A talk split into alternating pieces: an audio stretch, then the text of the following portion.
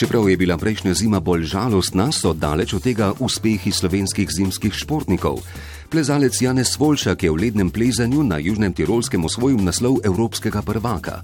Prestižno imenovanje UNESCO umetnik za mir si je prislužil kipar Marko Pogačnik.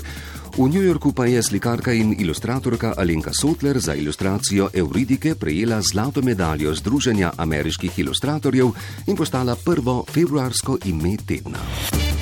Zika je zadnji iz niza virusov, ki vznemirjajo svet in prav 14 slovenskim strokovnjakom s Tatjano Avšič Županc na čelu je prvim na svetu uspelo znanstveno dokazati, da okužba z ziko med nosečnostjo povzroča možgansko okvaro plodu.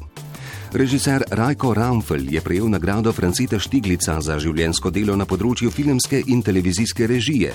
Drugo ime tedna pa je v najbolj norčavem delu leta postal predsednik društva Laufarija Mitja Laharnar iz Cerknega.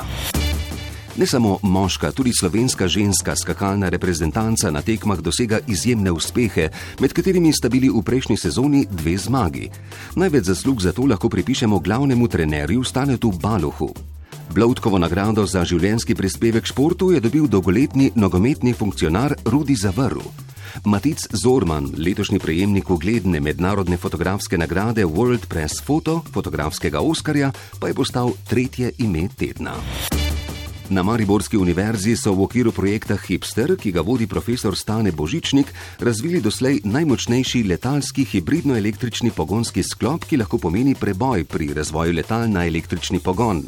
Na kakšen pogon deluje Peter Prevc, še ni čisto jasno. Dejstvo pa je, da je šest tekem pred koncem sezone postal zmagovalec skupnega seštevka svetovnega pokala.